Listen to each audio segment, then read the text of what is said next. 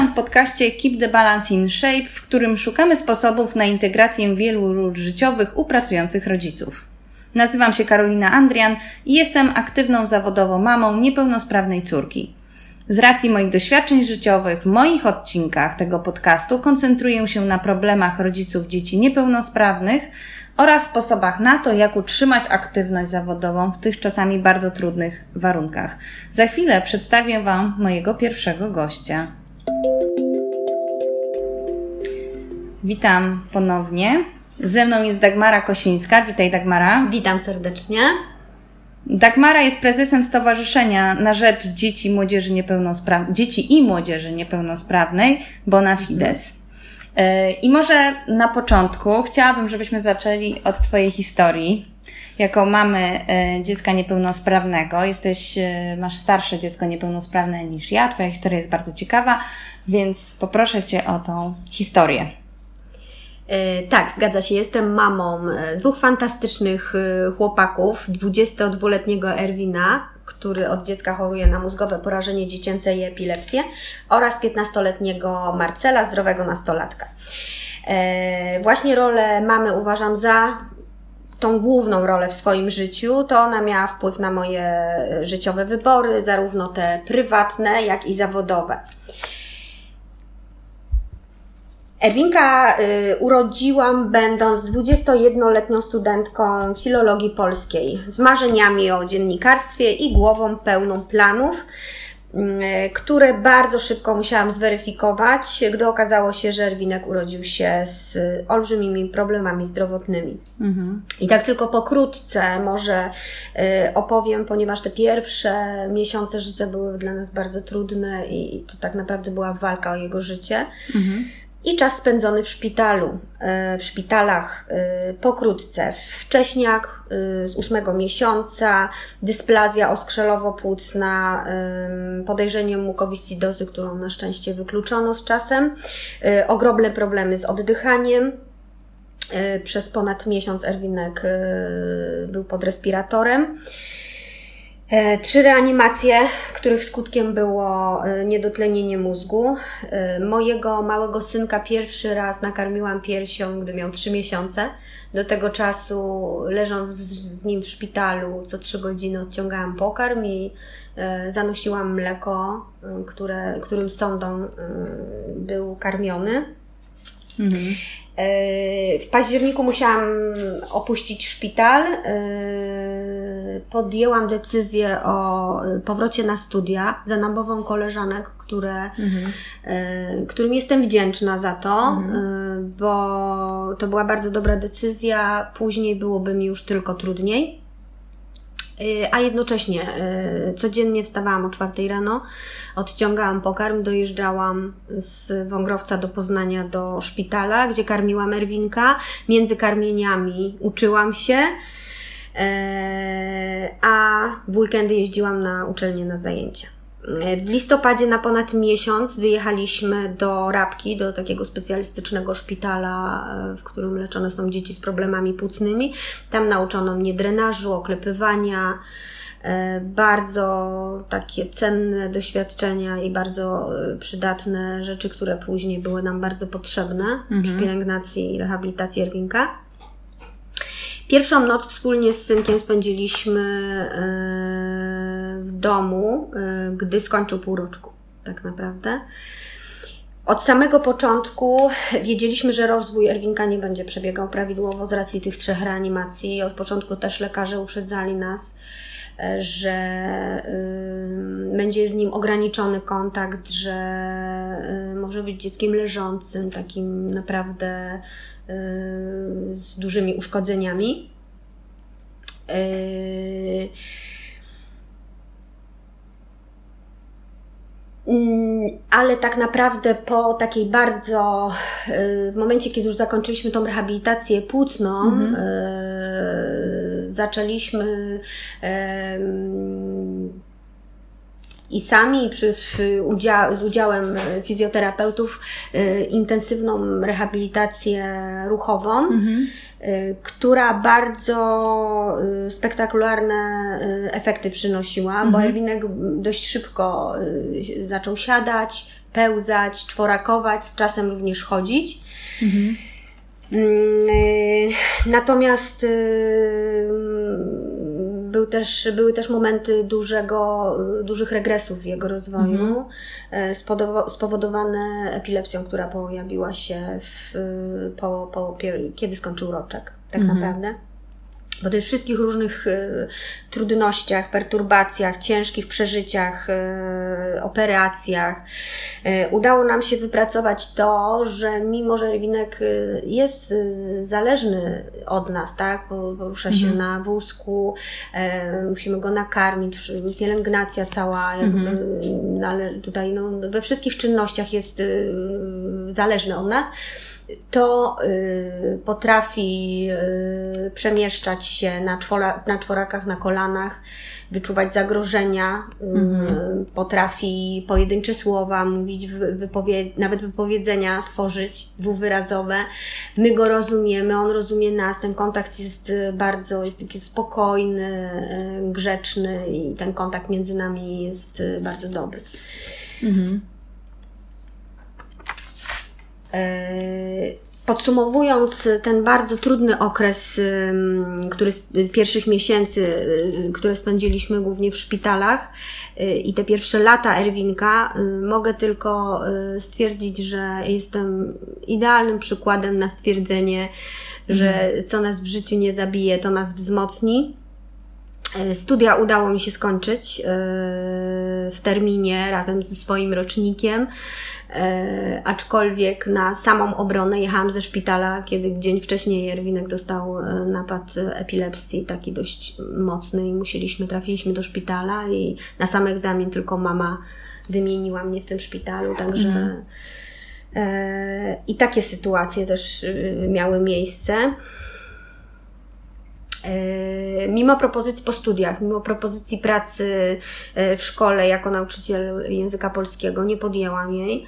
E, uważałam, że w tym momencie najważniejszy jest Erwinek mhm. i całkowicie poświęciłam się opiece, rehabilitacji synka. I nigdy tego nie żałowałam. Mhm. Tej decyzji nigdy nie żałowałam. Gdy Erwinek skończył 7 lat, na świecie pojawił się Marcel, ogromne szczęście, wielka radość y, y, przy fantastycznych lekarzach, wsparciu różnych osób. Tylko chyba rodzic dziecka starszego, niepełnosprawnego wie, jakie to jest ogromne szczęście, kiedy rodzi się drugie dziecko zdrowe. Mhm. I tak powoli zbliżam się do takiego przełomowego momentu w moim życiu, kiedy mm, powstaje organizacja, właśnie Stowarzyszenie mm -hmm. Bonafides. Mm -hmm, Bo wiedziałam tą całą historię oczywiście tak pokrótce, ale nie bez powodu, nie bez przyczyny. Uważam, że wszystko to, co spotyka nas w życiu, buduje nas jako mm osoby i jako ludzi i daje odwagę do podejmowania ważnych, odważnych i ważnych y, kroków, decyzji, działań. E, wpływa na to, jakich ludzi na swojej e, drodze e, spotykamy, jacy jesteśmy. Mhm. Często powtarzam, że rola mamy niepełnosprawnego dziecka to olbrzymie wyzwanie i niejako powołanie. Mm -hmm. Wszystko, co, co w związku z tym, w związku z byciem mamą takiego niepełnosprawnego dziecka doświadczamy, kształtuje nas jako ludzi. Gdybym nie miała Erwinka, byłabym zupełnie y, inną mhm. osobą. Y, nie poznałabym Ciebie, Karolina. Mhm. Y, poznałyśmy się przecież na turnusie rehabilitacyjnym. Tak. Nie poznałabym też i koleżanki, i osób, i rodziców, z którymi później tworzyliśmy właśnie nasze mhm. stowarzyszenie. Stowarzyszenie powstało w momencie, kiedy Erwinek miał 9 lat, a Marcel 2. Mhm. Dobrze. Mm, ja na chwilę tutaj przerwę tą historię, zanim przejdziemy mhm. do stowarzyszenia, to jeszcze chciałam wrócić do tych studiów i do tej Twojej decyzji o tym, żeby wrócić. Mimo tak trudnej sytuacji, byłaś bardzo młoda, bo bardzo wcześnie miałaś dziecko. Tutaj mm, pojawienie się dziecka niepełnosprawnego, no 21 lat, to teraz mi się wydaje, że to dziecko y, ma dziecko, aczkolwiek No, no teraz później e, tak. kobiety decydują się na macierzyństwo, to prawda. To prawda, że to jest jakby bardzo młoda osoba, ale podjęłaś decyzję, żeby wrócić na studia i chciałam porozmawiać trochę o tej decyzji, co, mm, co spowodowało, że mimo tak trudnej sytuacji jednak yy, no, zadbałaś o, o tą część też swojego rozwoju i myślę, że to nie była łatwa decyzja dla Ciebie w takiej sytuacji. Nie była to łatwa decyzja, bo też y, czas, kiedy jestem z nowonarodzonym, mhm. tak naprawdę dwumiesięcznym dzieckiem y, w szpitalu, no jakby no nie da się ukryć, nie w głowie mi y, myślenie o nauce, o, mhm. o jakiejś takiej samodyscyplinie związanej ze studiami. Natomiast y, koleżanki namawiały mnie też y, z tego względu, że okazało się, że w momencie, gdybym wzięła urlop dziekański i po roku wróciła, y, poprzed, już następne roczniki, między nami są jakby były duże różnice programowe. Mhm. I miałabym znacznie więcej rzeczy do, do zaliczenia, do uzupełnienia, że jakby to gdzieś tam rodziło więcej problemów. A to, że ja te studia skończę, to było wiadomo od początku, gdzieś tam z, w ogóle nie zakładałam, że ja na te studia nie wrócę, mhm. absolutnie. Mhm. E, I suma summarum, tak jak mówię, bardzo dobrze się stało. E, stwierdziłam, że spróbuję. Mhm. E, oczywiście na początku bardzo dużo mnie na to, to był tryb zaoczny, więc było łatwiej. Mhm. E, dużo mnie na tych zajęciach nie było, mhm. ale też z wykładowcami ja uczciwie powiedziałam, jaka jest sytuacja. Nie było problemu, żeby się e, jakoś dogadać, umawiać na, na zaliczenia. No i udało się i, mhm. i, i naprawdę nie żałuję tej decyzji i, mhm. i, i dobrze, że tak się stało. Mhm. Jak ważne są takie osoby, które te koleżanki, które przyjechały mhm. do ciebie do szpitala, mhm. żeby ci namówić, żeby jednak się nie poddawać, tak? Że tak. takie osoby, które spotykamy na, swo na swojej drodze, które wzmacniają w nas, yy, no bo te przekonanie do tego, żeby kończyć studia już miałaś, tak? Ale, ale na pewno była taka furtka, żeby to odłożyć oczywiście. na, na, I, na i wsparcie później. tych osób, oczywiście, że tak. bardzo ważne. Żeby wsparcie nas... rodziny, która mhm. też, yy, jakby no wiedziałam, że yy, mąż będzie musiał być zaangażowany w to i, mhm. i moi rodzice, tak? Mm. Także yy, bardzo ważne to jest, tak? Mm-hmm. No i teraz przechodzimy do stowarzyszenia. Mm-hmm. Jak, e, skąd ta decyzja, żeby stworzyć to stowarzyszenie?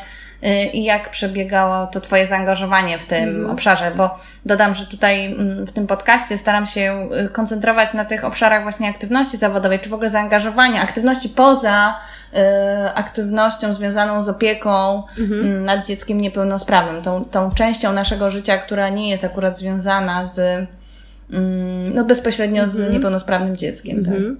Aczkolwiek u Ciebie akurat ta Mm, ta działalność społeczna początkowo, potem aktywność zawodowa, chociaż dla mnie to jest to samo, niezależnie czy dostaje się za to wynagrodzenie, mhm. czy nie, była związana też, y, jest powiązana z, y, z Erwinem. Tak. Mhm. Tak, I, i, i to jest to, o czym mówię, że właściwie on mi to scenariusz na życie napisał, tak? Mhm. No bo w momencie, kiedy y, zdecydowałam, że nie podejmuję pracy zawodowej mhm. zaraz po studiach, poświęcam się jemu y, całkowicie, no to y, wiedziałam, że nie wiedziałam, jak długo to potrwa, tak? To, mhm. to, to takie przysłowiowe siedzenie w domu z dzieckiem.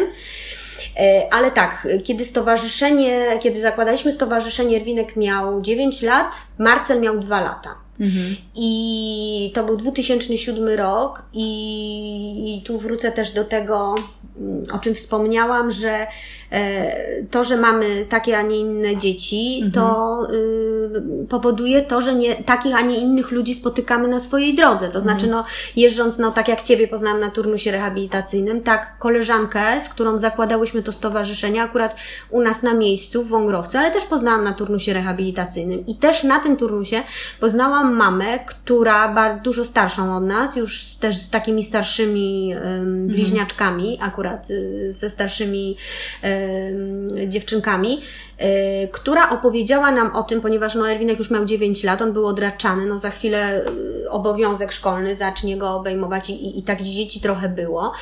Taki też y, sytuacja była u tej mojej koleżanki. Poznałyśmy tą mamę, która um, opowiedziała nam o tym, że u nich w całkiem małej miejscowości funkcjonuje taki ośrodek rewalidacyjno-wychowawczy. Są tak zwane orewy, mhm. które są prowadzone, jest ich bardzo dużo w całej Polsce i one są prowadzone przez jedno bardzo duże stowarzyszenie y, osób, Polskie Stowarzyszenie y, Osób z Upośledzeniem Umysłowym. I to, to stowarzyszenie ma pod sobą koła, mhm. które prowadzą w danej miejscowości właśnie e, ten ośrodek. Myśmy zdecydowały się porwać na coś e, większego, no, odważną decyzję, żeby stworzyć swoje odrębne, y, samodzielne stowarzyszenie. Mhm, E, okazało się, że w Wągrowcu i w okolicy, w powiecie jest dość sporo takich dzieci mhm. i udało nam się to stowarzyszenie e, założyć i zebrać rodziny mhm. e, z bardzo różnymi dziećmi, z różnymi niepełnosprawnościami, bo od samego początku mieliśmy dzieci na przykład sprawne intelektualnie, w normie intelektualnej, a niepełnosprawnościami ruchowymi, albo ze sprzężeniami, gdzie jest i taka, i taka niepełnosprawność, i ta ruchowa, i, mhm. i intelektualna, i z różnymi chorobami genetycznymi, których jest coraz więcej, i z zespołem Downa. Więc jakby w samym stowarzyszeniu mamy, y, do dziś tak jest, mamy bardzo różne dzieci. Część z nich na, przez, no to już 13 lat, mhm. przez szereg tych lat y, y, odchodziło, były takie, które wracały, takie, które się rozstawały z nami. I, ale generalnie,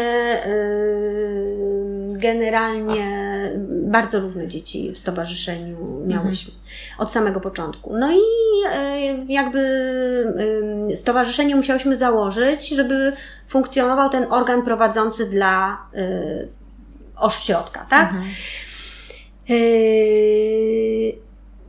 siedziba stowarzyszenia najpierw była e, w moim mieszkaniu, później była w jakimś tam małe pomieszczenie, dostaliśmy od burmistrza, ale gdzieś naszym celem od początku było Mhm. Był budynek po dawnym przedszkolu, do którego kiedyś też przez krótki czas Erwinek e, uczęszczał.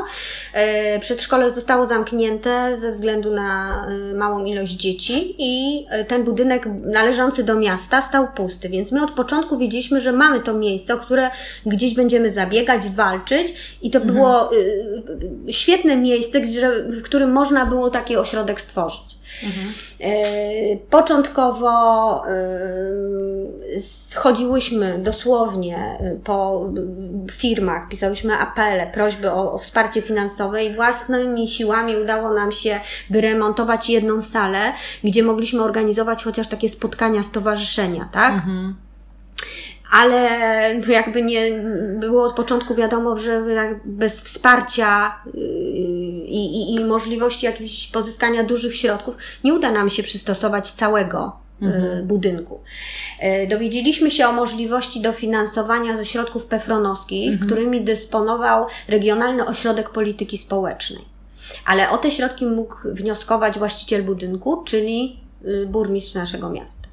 Udało nam się namówić mhm. burmistrza, on o te środki zawnioskował, y, y, wyremontował, przystosował budynek pod potrzeby osób niepełnosprawnych i na potrzeby funkcjonowania takiej placówki.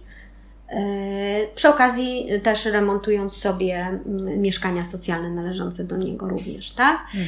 I tym sposobem w 2010 roku Y, powstała niepubliczna placówka oświatowa prowadzona przez Stowarzyszenie na Rzecz Dzieci i Młodzieży Niepełnosprawnym Bonafides w 2010. 10, czyli mamy teraz, lata zajęło tak, w sumie teraz mamy okrągłą dziesiątą rocznicę mhm. funkcjonowania mhm. placówki. Mhm. E, prowadzonej właśnie przez nasze stowarzyszenie. Mhm. I, e, i, I to jest tak, że e, stowarzyszenie, zarząd stowarzyszenia, który też przez szereg lat się zmieniał. Ja, ja jestem mhm. od początku prezesem tego stowarzyszenia. Przez bardzo długi czas była koleżanka współzałożycielka, z którą zakładałam stowarzyszenie, była w zarządzie. Teraz od paru miesięcy mamy zarząd mhm. Mm, y, trzyosobowy, y, nowy, tak? Mhm. Y, natomiast od samego początku zarząd był organem jakby nadzorującym, prowadzącym mhm. i zatrudniającym tak dyrektorów ośrodka. Okej. Okay. No dobrze, to to jest historia mm, powstania tego ośrodka mhm. i teraz przejdźmy do Ciebie mhm. w tym. I do mojej e... historii pracy zawodowej. Tak, właśnie. Dlaczego pracujesz zawodowo? Dlaczego decydowałaś się e... wybrać to, a nie co innego? Mówiłaś, że scenariusz napisał er, Erwin. Tak. Podjął za Ciebie tą decyzję. Tak.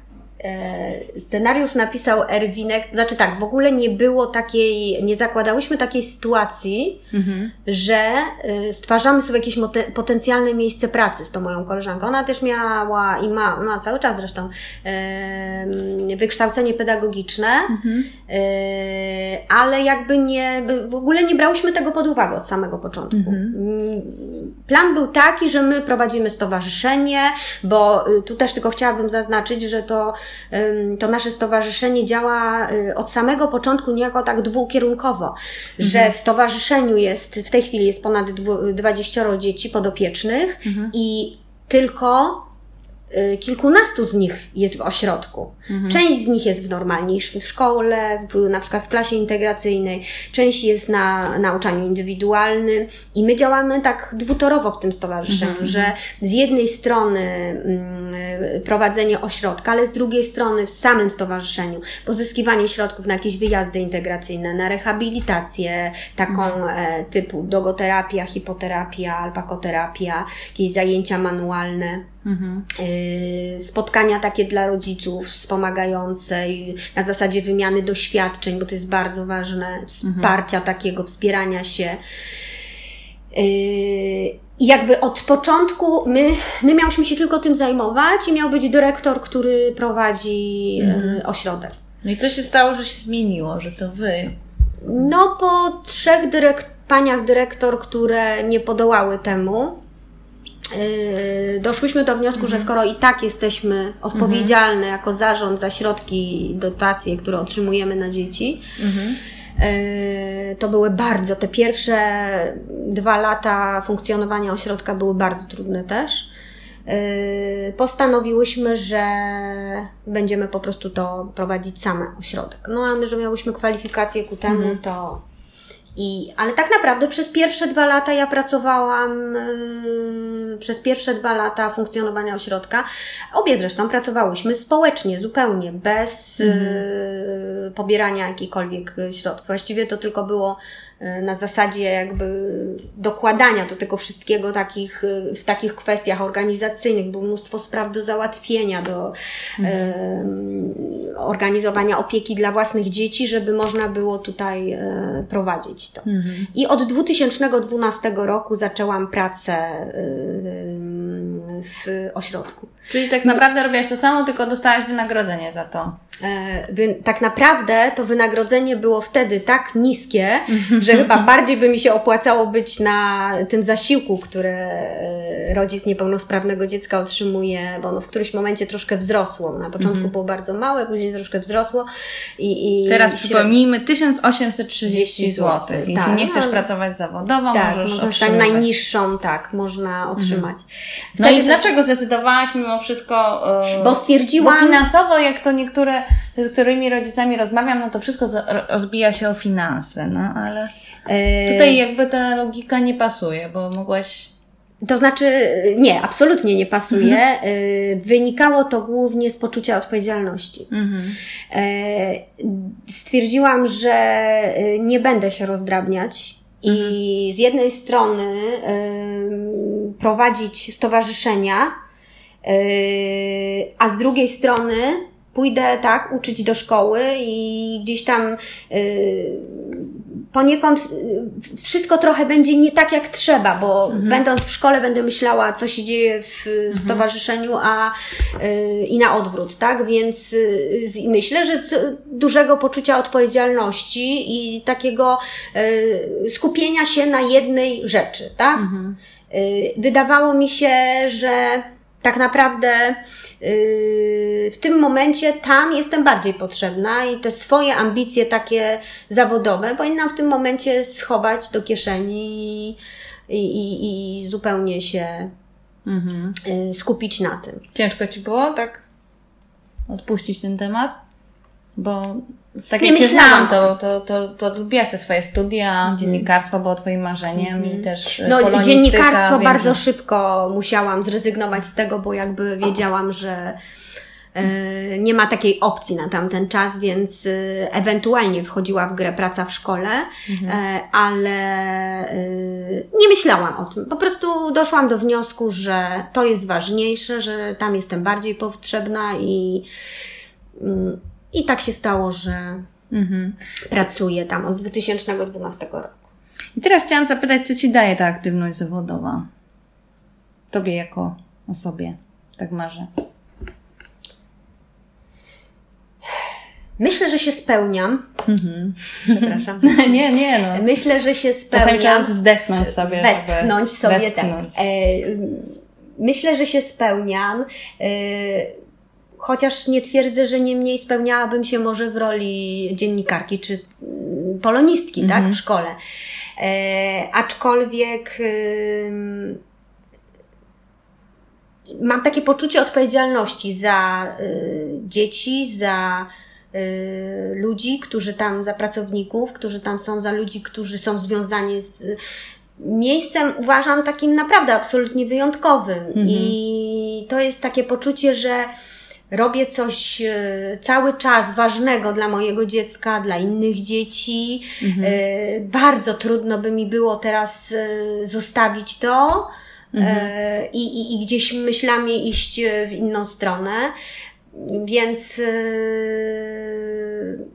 myślę, że takie głównie y, daje mi to spełnienie i mam takie poczucie odpowiedzialności za to wszystko i to cały czas y, mną kieruje tak naprawdę. Mhm. Daje mi to też teraz satysfakcję, y, ponieważ jestem teraz sama. Mhm. Jakby kieruję ośrodkiem. I daje mi to takie poczucie y, tego, że się rozwijamy, że idziemy w dobrą stronę, że y, pandemia w ogóle bardzo dużo mm, rzeczy. To na koniec powiemy. Dobrze, ale, ale y, dużo, dużo cennych takich spostrzeżeń mhm. dała. Teraz jeszcze chciałam Cię zapytać. Yy, Aczkolwiek zawodową... tylko dokończę. Mhm. Nie ma, uważam, że cały czas to powtarzam, nie ma ludzi niezastąpionych. I przyjdzie taki moment, kiedy moje dziecko, dopóki on tam jest i ja mhm. mogę być tam razem z nim, mhm. yy, to tam jestem. Natomiast kiedy przyjdzie moment, yy, że będę musiała, yy, skończy y, swoją edukację tam i możliwość przebywania, będę z nim w domu, to ja już myślę o tym, żeby kogoś wdrażać w kierowanie placówki, żeby to nie było tak, że ja nagle kogoś zostawiam. I już myślę o tym, żeby kogoś wdrażać, i, bo przecież zostaną młodsze dzieci i, i, i placówka ma dalej funkcjonować. Nie ma absolutnie osób niezastąpionych. Mhm. Absolutnie. A dla siebie wtedy co, coś planujesz też w momencie, kiedy Yy, nie, inne plany miałam przed pandemią, myślałam mhm. zupełnie inaczej. Teraz te moje plany też się zweryfikowały. Nie myślę. Trochę nauczyłam się też tak, że y, życie nam stawia czasami tak różne mm, na, swo- na, na, na, na, naszym, na naszej drodze y, i trudności, ale też często rozwiązania, mhm. że za bardzo nie myślę do przodu. Mhm. Generalnie jestem mega optymistką. Zawsze wierzę w to, że wszystko się jakoś poukłada. Póki co, y, dzięki Bogu tak jest i mhm nie myślę za bardzo do przodu. Mhm.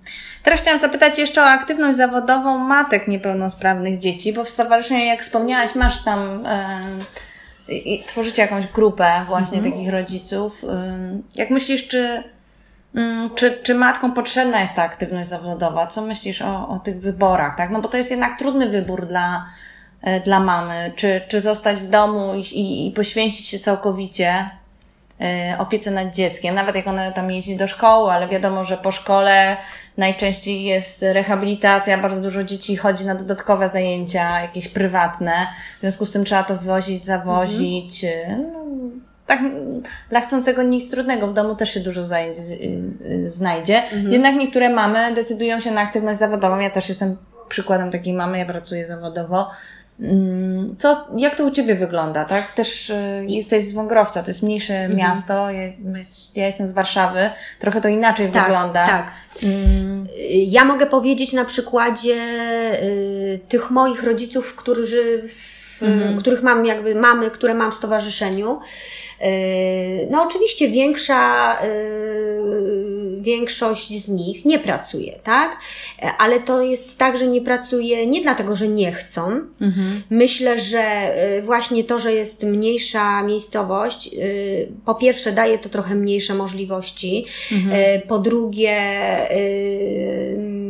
i możliwości pracy, ale też i opieki dla mhm. dziecka i tak dalej. I, I nie myślę, że nie, jakoś nie, nie rozmawiałam z nimi na ten temat, ale myślę, że w większości to jest tak, że one po prostu te swoje ambicje musiały schować gdzieś do kieszeni i po prostu skupić się na tym, że biorą ten zasiłek, ale są z dziećmi w domu. Mm, I to absolutnie nie jest nic złego. Może mhm. gro z nich na przykład chciałaby pracować, ale właśnie nie może, bo nie może sobie tego w taki sposób poorganizować, żeby, żeby móc mhm. pracować. E, jest kilka mam, no i większość z nich wtedy dostaje ten zasiłek w kwocie, o której już wspominałyśmy. Mhm. E, mam też taką sytuację, że mama pracuje akurat w budżetówce i, i pracuje w urzędzie, a, a tata jest na takim zasiłku. Mhm. E, mam, mam mamę, która pracuje i, i, i musi pracować i ona tego potrzebuje i, i, i tak przy wsparciu rodziny, przy organizowaniu całego, zorganizowaniu całego życia mhm. y, może to robić i nie wyobraża sobie funkcjonowania tylko z dzieckiem w domu.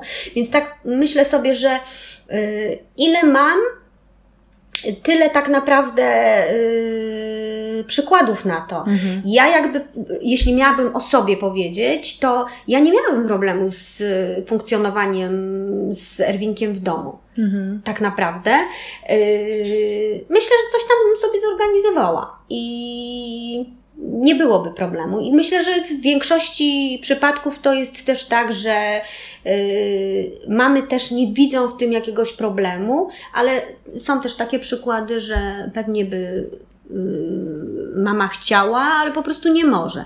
Wydaje mi się, to też tak żywo dyskutujemy ostatnio mm, mhm. na ten temat, że nie ma możliwości jednak przy tym zasiłku na dorobienie sobie. I no to właśnie. jest bardzo, y, to jest bardzo niesprawiedliwe uważam, bo jednak przez te sześć godzin, kiedy dziecko jest w placówce takiej jak nasza, mhm. spokojnie ta mama mogłaby y, dorobić, bo niejednokrotnie chcą to, tak? Mhm. No ale kiedy podjęłaby jakąkolwiek pracę, tak, no to, to można... traci w to w tym momencie, no więc tak. nie podejmuje tej pracy. Tak, bo ten zasiłek przypada, to jest e, rekompensata za... Za to, że nie pracujesz. W związku no. z tym, e, nawet jak dziecko chodzi do szkoły, dostajesz, ale w momencie, kiedy podejmujesz aktywność zawodową, to uważam, tracisz. Że jest, tak, uważam, mhm. że spokojnie mogłoby być to tutaj, ale mówię, żywo się na ten temat ostatnio dyskutuje. Tutaj no to wtedy wszystkie osoby aktywne zawodowo powinny ten zasiłek dostać. No nie, tak. ja myślę, że tu wchodzi w grę kwestia dorobienia do jakiejś kwoty, że, mhm. że nie, że dostajesz ten zasiłek i jeszcze mm. na cały tam etat pracujesz. Nie, nie. Mm. I rodzice też mamy, też mówią o tym raczej, no rodzice, bo faktycznie i tatu,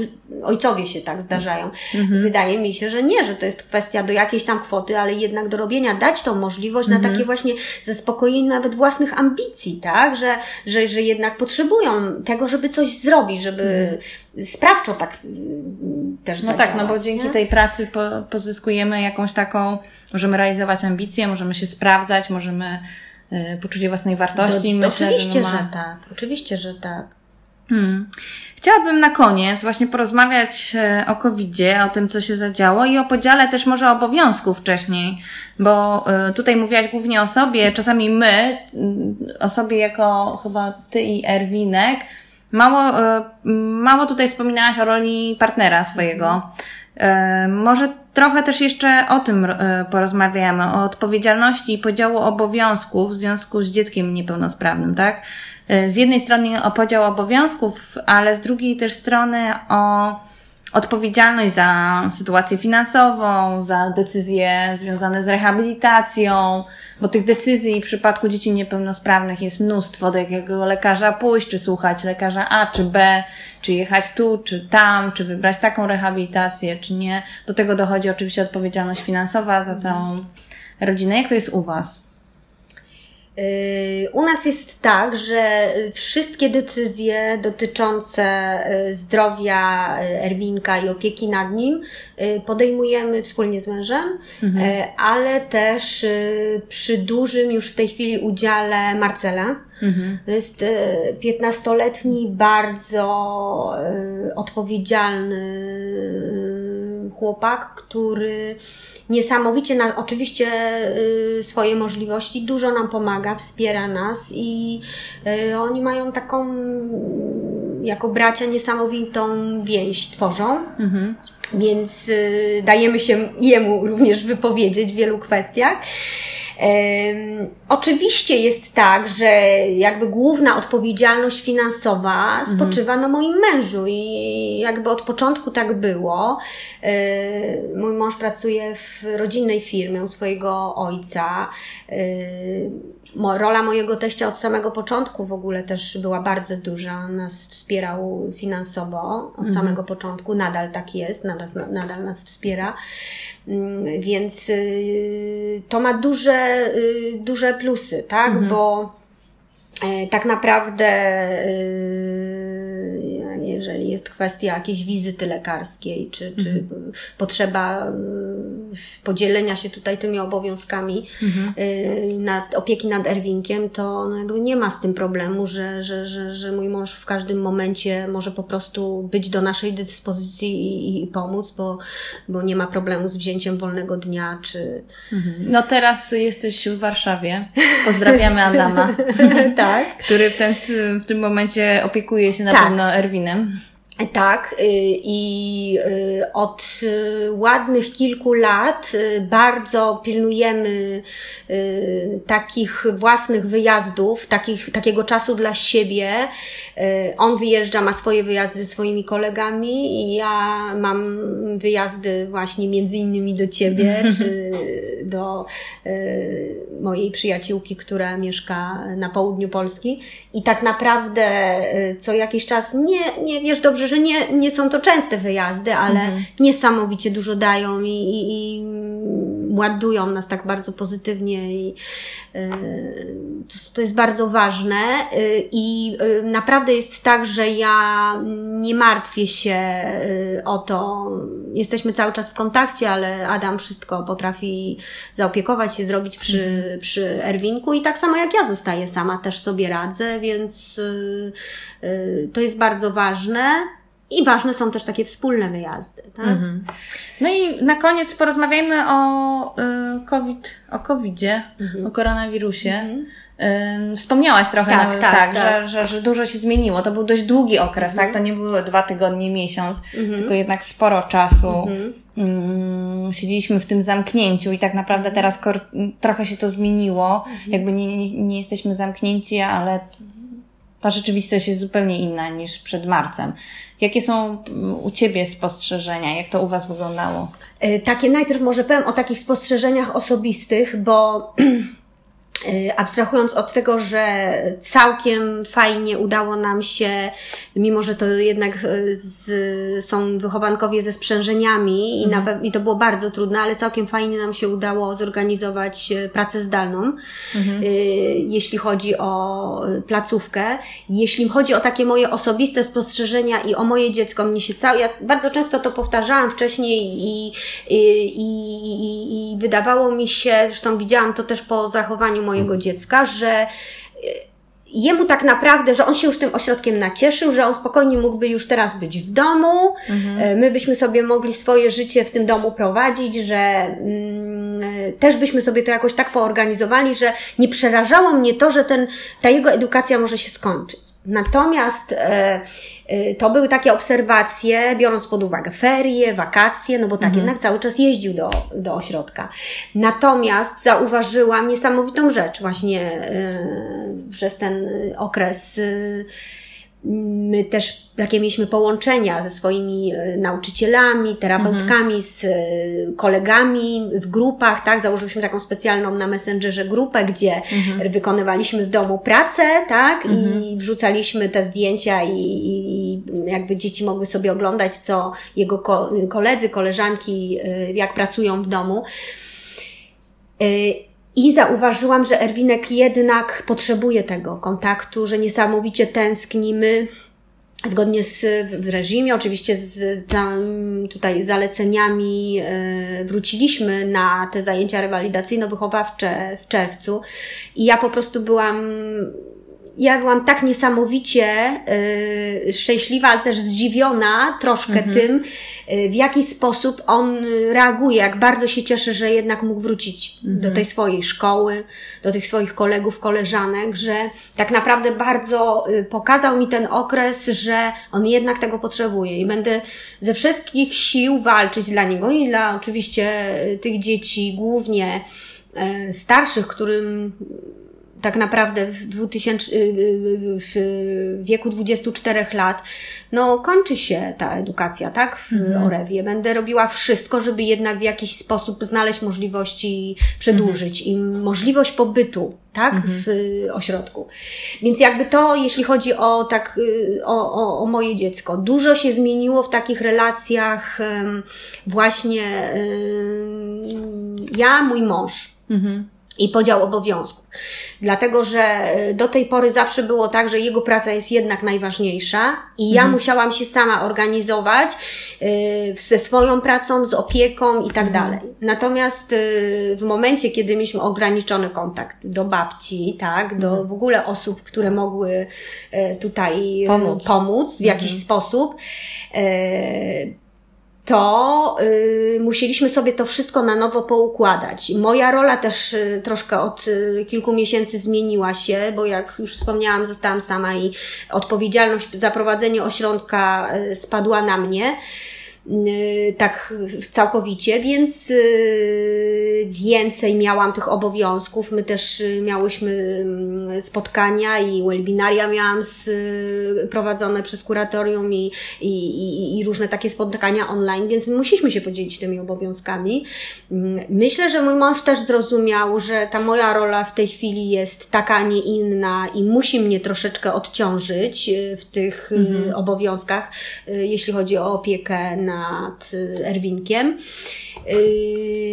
Myślę, że tak bardzo zaczęliśmy partnersko tutaj to wszystko sobie układać, wymieniać się obowiązkami. W obowiązków takich typowo domowych też mu doszło więcej, bo mhm. musiał w jakimś stopniu mnie odciążyć. Więc tak bardzo to się tak wszystko mogę stwierdzić ja nadal jakby więcej tych obowiązków w domu mam ja, tak? Ale, mhm. ale odciąża mnie i, i, i więcej z racji tego, że tych zawodowych Y, kwestii. Jeszcze teraz zaczynam studia podyplomowe, za, mhm. za chwilę y, to tym bardziej, tak? Y, jeszcze tego więcej dojdzie, więc myślę, że tu się tak przewartościowało, przeorganizowało w naszym mhm. życiu bardzo i, i Marcel ma też więcej obowiązków, ale on jest taki bardzo chętny i do pomocy i, i, i bardzo odpowiedzialny. Więc mhm. myślę, że jak u wszystkich, to ten COVID bardzo tak nam, wiele rzeczy nam uświadomił, pokazał, E, co jest ważne, właśnie o co, o co, co warto walczyć. My też y, ja też widziałam po moich y, paniach, y, tak, które pracują w ośrodku, one, z jaką one radością w ogóle y, przyszły do pracy, jak się cieszyły, że mogą się spotkać z, ze swoimi, tak, mhm. wychowankami i te dzieci, które stęsknione za sobą. No i oczywiście rodzice, którym również brakowało tego. No to było bardzo trudne, mi się wydaje, tak. dla rodziców dzieci niepełnosprawnych. Tak. Jednak zorganizowanie opieki bez jakiegokolwiek wsparcia, tak. bo i nianie odpadły, to samo u nas to było. I, Ale i nawet... nianie, i babcie, wszystko staliśmy zupełnie sami. Dokładnie, ale nawet dla tych mam, które y, siedzą normalnie w, tak na co dzień w domu z dziećmi właśnie na tym hmm. zasiłku, to y, no, odebrana im jakby została możliwość jednak y, przywiezienia tego dziecka na parę godzin do ośrodka. W tym momencie wiadomo, że one w tym czasie organizują różne rzeczy, zakupy, jakieś tam swoje sprawy załatwiają i, mhm. y, i też takie bycie non-stop y, z dzieckiem, no to mhm. no różnie to wszystko mo mogłoby przebiegać. No akurat fantastycznie i to zdalne nauczanie jakoś u nas się wszystko posprawdzało, aczkolwiek bardzo wszyscy stęsknieni z wielką radością. Yy, no, tylko że zdalnie nie da się, prawda, prowadzić Oczywiście, rehabilitacji, absolutnie. więc dlatego, regresy były Dlatego była decyzja duże. trudna też yy, po, do podjęcia przeze mnie, czy wracamy w tym maju, ale uznałam, że dla dobra dzieci yy, powinniśmy na te zajęcia przy całym tym rygorze sanitarnym, ale jednak wrócić i, i, i to było bardzo ważna decyzja mhm. i, te, i, i, bardzo ważna, i bardzo dobra.